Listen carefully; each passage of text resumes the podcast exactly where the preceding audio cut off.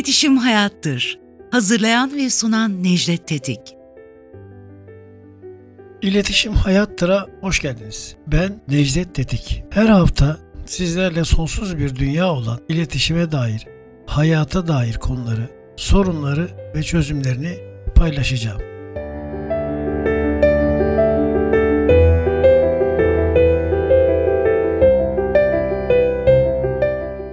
İletişim Hayattır'a hoş geldiniz. Ben Necdet Tetik. Programa başlamadan önce hepinizi saygıyla selamlıyorum.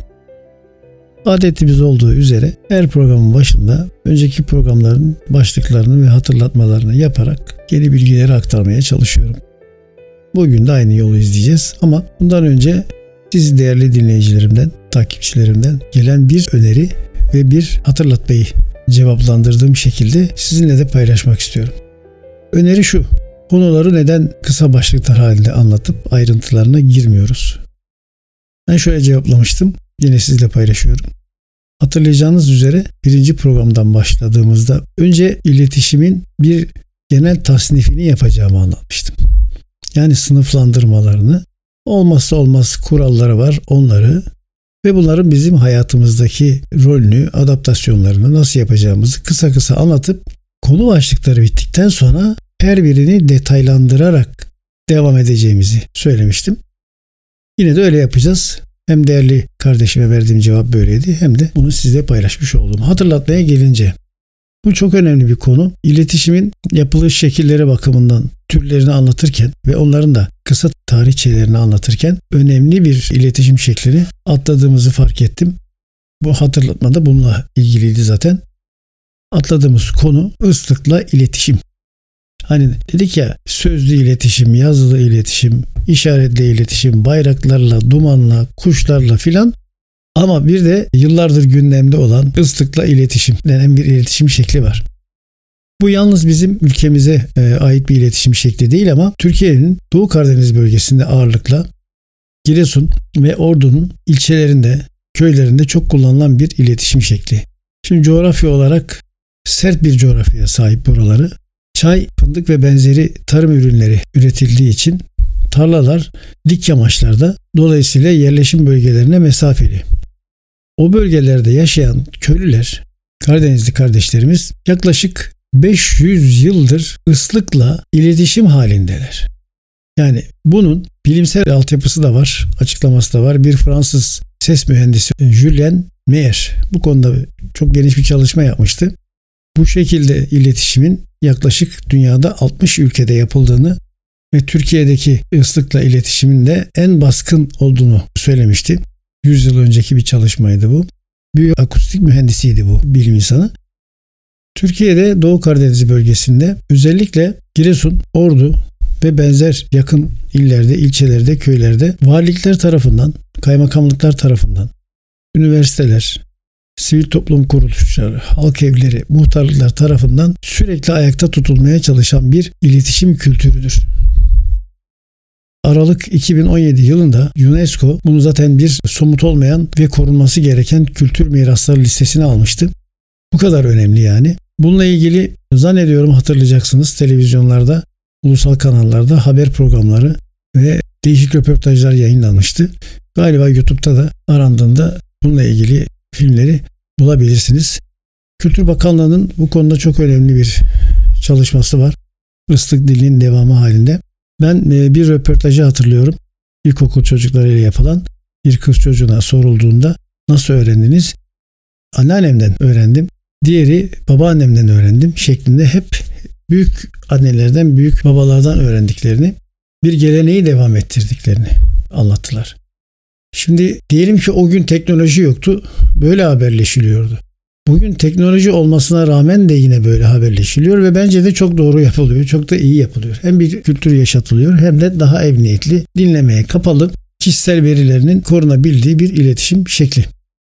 Islıkla iletişimde ağız yoluyla yani diş, dil, yanak, çene yoluyla ıslık çıkararak ıslıklar her kelime bir ıslıkla ifade edilerek bir konuşma şekline getiriliyor. Bunun teknik detayını ben çok irdelemediğim için anlatmak durumunda değilim ama yaşayan bir kültürdür. yaşayan bir iletişim şeklidir. Dediğim gibi dünyanın 60'a yakın ülkesinde özellikle kırsal bölgelerde coğrafyaları bakımından kullanılıyor. Bizde de Doğu Karadeniz'de kullanılıyor.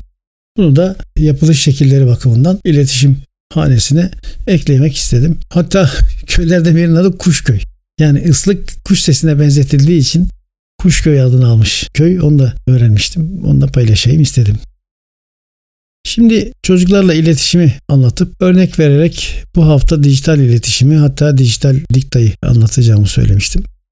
Çocuklarla iletişimde geçtiğimiz hafta yine Türkiye gündemini sarsan çok ciddi kötü bir örnek yaşandı.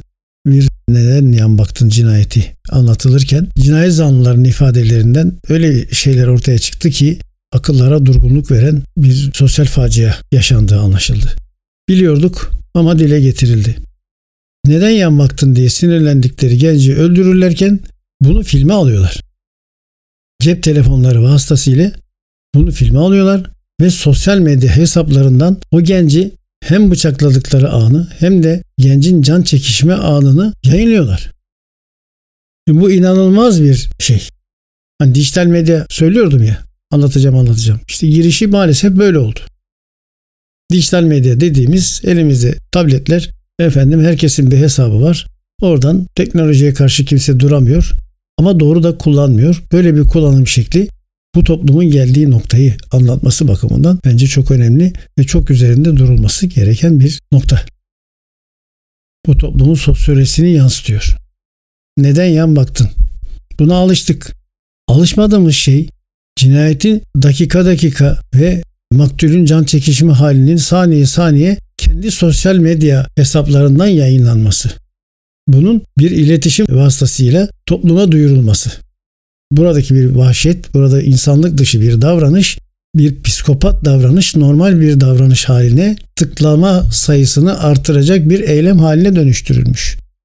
Bu konu sorulduğunda değerli Profesör Arif Verimli hocamız toplumun genç nüfusun %15'inin kriminal noktada bağımlı olduğunu. Bu bağımlılık yalnızca uyuşturucu bağımlılığı olarak algılanmasın. Bağımlılık biliyorsunuz bilgisayar, internet de tabletler de birer bağımlılıktır. Orada geçirdiğiniz süreye ve onlar olmadan ne nasıl bir ruh haline girdiğinize bağlı. Özellikle gençler arasında. Ve %15 çok büyük bir rakam. Bunun devlet olarak çok ciddiye alınması. Ta başından beri anlatıyoruz. Çok ciddiye alınması, devlet politikası haline getirilmesi. Aile içindeki anne baba çocuk eğitiminin yani aile içi iletişimin son derece geliştirilmesi, çok üzerinde durulması ve yönlendirilmesi gerekiyor. Çünkü bu çocuklar büyüyor, yetişiyor, toplumda birer saatli bomba olarak dolaşıyor. Hapishanelerde, ıslah evlerinde yatanların en az 20 katı, 30 katı aramızda dolaşan sosyopatlar var. Psikopatlar var. E nasıl anlayacağız bunları? Ya bunu bizim şimdi anlamamızın önemi yok. Bundan sonraki neslin bu güruhun içerisine yenilerini eklemesini önlemek mecburiyetindeyiz. İşte iletişim iletişim deyip durduğumuz şey bu. Çoluğunu çocuğunu dinlemeyen anne babadan, birbirini dinlemeyen anne babadan, annesine babasına saygısızlık yapan, dinlemeyen, sevgi duymayan, saygı duymayan bir anne e, çoluk çocuktan nasıl bir nesil gelir? Nasıl bir kuşak doğar? Biz Türkiye'yi nasıl inşa edeceğiz? Sıkıntı bu. Dijital iletişime de böylece girmiş olduk. Dijital iletişim dijital araçlarla yapılan iletişim. Artık günlük iletişimimizin çok büyük ağırlığı maalesef bu mecralar üzerinden yapılıyor. Dediğim gibi herkesin tableti, akıllı telefonu, bilgisayarı ve kendisine e, göre geliştirdiği bir iletişim dili oluştu. Bu dijital iletişim. Şimdi bunu anlatacağız açacağız. Bu bir, bir programlık konu değil. Önümüzdeki birkaç hafta bu konu üzerine gideceğiz ama ben iki tane uç örnek vereceğim ve bu konuyu bu hafta sınırlı şekilde kapatacağım. Birincisi hatırlayacağınız üzere geçtiğimiz yıl Amerikan Devlet Başkanı Donald Trump seçimleri kaybetti. Yeni devlet başkanı olarak Joe Biden seçildi. Trump başkan olduğu dönemde bakan atamalarını, bakan azillerini, siyasi mesajlarını, devlet başkanlarına olan konuşmalarını Twitter üzerindeki mesajları aracılığıyla yapan bir devlet başkanıydı. Dünyada bunu en etkili kullanan devlet başkanlarından biriydi. Gerekli gereksiz bunu kullanıyordu. Bundan evvelki başkanların da hesapları var. Onlar da zaman zaman mesajlar veriyordu ama Donald Trump adeta Amerika'yı Twitter üzerinden yönetiyordu. Seçim sonuçları itiraflı çıkınca ve kendine ait hesaptan bir takım paylaşımlar yaptığında uygun olmayan sözleri kullandığı için kime göre? Twitter firmasının sahiplerine göre. Amerikan Devlet Başkanı'nın Twitter hesabı askıya alındı. Askıya alan kim? Bir firma. Dijital ürünler üreten, yazılımlar yapan, hem Amerikan devletine hem dünyanın başka ülkelerine ihracatlar yapan ve onları dolaylı yollarla kontrol altında tutan merkezler. Donald Trump Amerikan devlet başkanı seçilmesi için Amerikan halkının seçime katılan kısmının ekseriyetinin oyunu almış olması lazımdı. Aldı öyle seçildi. Peki onun ifade özgürlüğünü engelleyen, onu askıya alan, ona sosyal hesaplarını kapatan, sen burada yazamazsın, Amerikan devlet başkanı olsan dahi bunu yapamazsın diyenler herhangi bir seçimle, herhangi bir demokratik oylamayla, herhangi bir demokratik usulle mi seçildiler? Hayır. Onlar küresel firmalar. Dijital dikta tabiri bu yüzden geçerli. Bunu ilk kullanan kişi e, Wikileaks belgelerini yayınlayan Julian Assange'dı. Bu sözü ilk kullanan oydu. İnterneti insanların hayatını katletmeyi kolaylaştıracak bir portal olarak Amerikan devletinin kullandığını söylediği için ve bazı belgeleri de yayınladığı için çünkü bilgisayar korsanıydı kaçmak zorunda kaldı. O belgeler dünyayı karıştırdı. Neyse tutuklandı falan o ayrı bir şey ama ilk söyleyen bu. Julian Assange. Doğru mu? Doğru. Yani eskiden basın toplantıları olur. Devlet başkanları, siyasetçiler çıkar basın önünde diyeceklerini söyler, anlatacaklarını anlatır, soruları cevaplandırır gazetecilerin. Seslenmek istedikleri kitlelere mesajlarını verirlerdi. Şimdi öyle değil. Şimdi sahip olduğu sosyal medya hesabından mesajını yazıyor, çekiliyor kenara. Gündem oluşturuyor. Siyaset böyle yapılıyor. Peki bu mesajlar, bu konuşmalar, bu bilgiler bir merkezde toplanmama ihtimali sizce var mı bunların? Yok. Toplanıyor. Geçen de bir yakınımın anlattığı basit bir örnekle konuyu çok uzatmadan toparlamaya çalışayım. Ayakkabı almaya gittim diyor genç bir çocuk. Ayakkabıyı seçtik. Beğendik. Birkaç dakika sonra telefondan mesaj geldi diyor reklam. Baktım diyor satın almaya karar verdiğim ayakkabının birebir aynısının reklamı. Korktum diyor. Korktum. Dinleniyor muyuz? Gözetleniyor muyuz? Bana diyor böyle geldi. Korkuları doğru. Dinlendiğimiz, gözetlendiğimiz doğru. Bunun dünya çapında yapıldığı doğru mu? Doğru. Hatta ben bocaladım da bana sorduğu zaman nasıl yapabilirler böyle bir şey? Vallahi benim de aklım almıyor. Yani milyonlarca insanın konuşması birbirleriyle haberleşmeleri, orada tehlikeli sözlerin süzülmesi nasıl oluyor? Ben de bir bilene sordum. Bu işlerden anlayan bir yakınıma sordum. Nasıl yapıyorlar bu iş dedim. Bu mümkün mü yani böyle bir şey? Evet algoritma denen bir şey var dedi. bu sayede bunlar süzülüyor. Bir ağı bu dedi. Balık ağı gibi düşünün dedi. İşte konularına göre, kullanılan kelimelere göre oradan sınıflandırma yapılıyor ve bir istihbarat bilgisi olarak toplanıyor. Politikalarını bu ülkeler ve bu kuruluşlar daha doğrusu bu küresel firmalar bütün siyasetlerini, politikalarını bu bilgilere göre yapıyorlar.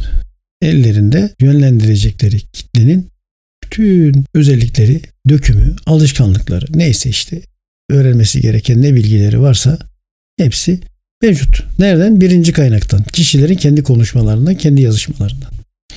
Aynı şey devletler için de geçerli. Yani devletlerin istihbarat örgütlerinin onlarca yıl uğraşıp ayakta durmaya, kendini korumaya çalışan devletlerin istihbarat örgütlerini çökerttiler. Bilgilerini aldılar. Mahrem bilgiler. Bir de iletişimde algı gerçektir fenomeni vardır. Yani bütün iletişimciler bunu bilir. İletişimi anlamaya başlayan, mantıklı ve bilinçli kullanan insanlar da bilir. İletişimde algı gerçektir. Bu ne demek? Bu şu demek. İletişim yoluyla bir ön kabul yaratılır. Neyi toplumun hedef aldığınız kişinin, kitlenin veya toplumun neyi kabullenmesini istiyorsanız o yönde mesajları önceden verirsiniz ve toplum bunu kabul eder. Bunun en son örneği Amerika Birleşik Devletleri'nin Irak işgalinde yaşandı. İşgalden önce öyle bir kamuoyu oluşturuldu ki medya aracılığıyla yani iletişim araçları aracılığıyla işgal başlayacağı zaman Amerika Birleşik Devletleri öyle bir silah kullanacak ki Irak'ta hayat duracak, bankalar duracak, ameliyathaneler duracak, hastalar hastaneye gidemeyecek, gündüz karanlık olacak falan böyle bir silah geliştirildi. Millet de bunu o kadar çok okudu, o kadar çok duydu ki televizyonlarda. Buna inanıldı. Türkiye'de de buna inanan çok büyük bir kitle vardı. Hatta milleti buna inandırmak için Amerika'dan daha sonra Amerikan Devlet Başkanı'nın anlattıklarından anlıyoruz. George Bush'un, oğul Bush'un anlattıklarından anlıyoruz. Bu için ücret alan gazetecilerin, iletişimcilerin olduğunu da öğrendik. Bu algıyı yaratmak, bu algıyı kabul ettirmek amacıyla işte iletişimde algı gerçektir. İşgal başladı. Böyle bir silahın olmadığı ortaya çıktı. Hatta Irak'ın onlara işgal nedeni olan kimyasal silah üretmedikleri dahi ortaya çıktı. Geçenlerde vefat eden o günün Dışişleri Bakanı, eski Genelkurmay Başkanı Amerika'nın Powell bunu itiraf edip Birleşmiş Milletler'deki konuşmasından dolayı dünyadan özür diledi. Diledi ama milyonlarca insan katledildikten, hayatlarından edildikten sonra, memleketlerinden gittikten sonra milyonlarca insan hayatı bittikten sonra işte iletişimde algı böyle bir şeydir. Neticede biz dijital iletişime ve dijital diktaya devam edeceğiz. Bu akşamlık, bu haftalık bu kadar diyelim. Hepinizi bana zaman ayırıp dinlediğiniz için saygıyla selamlıyorum. Çok teşekkür ediyorum. Bir sonraki programda buluşmak üzere. Hepinize esenlikler diliyorum. Hoşçakalın.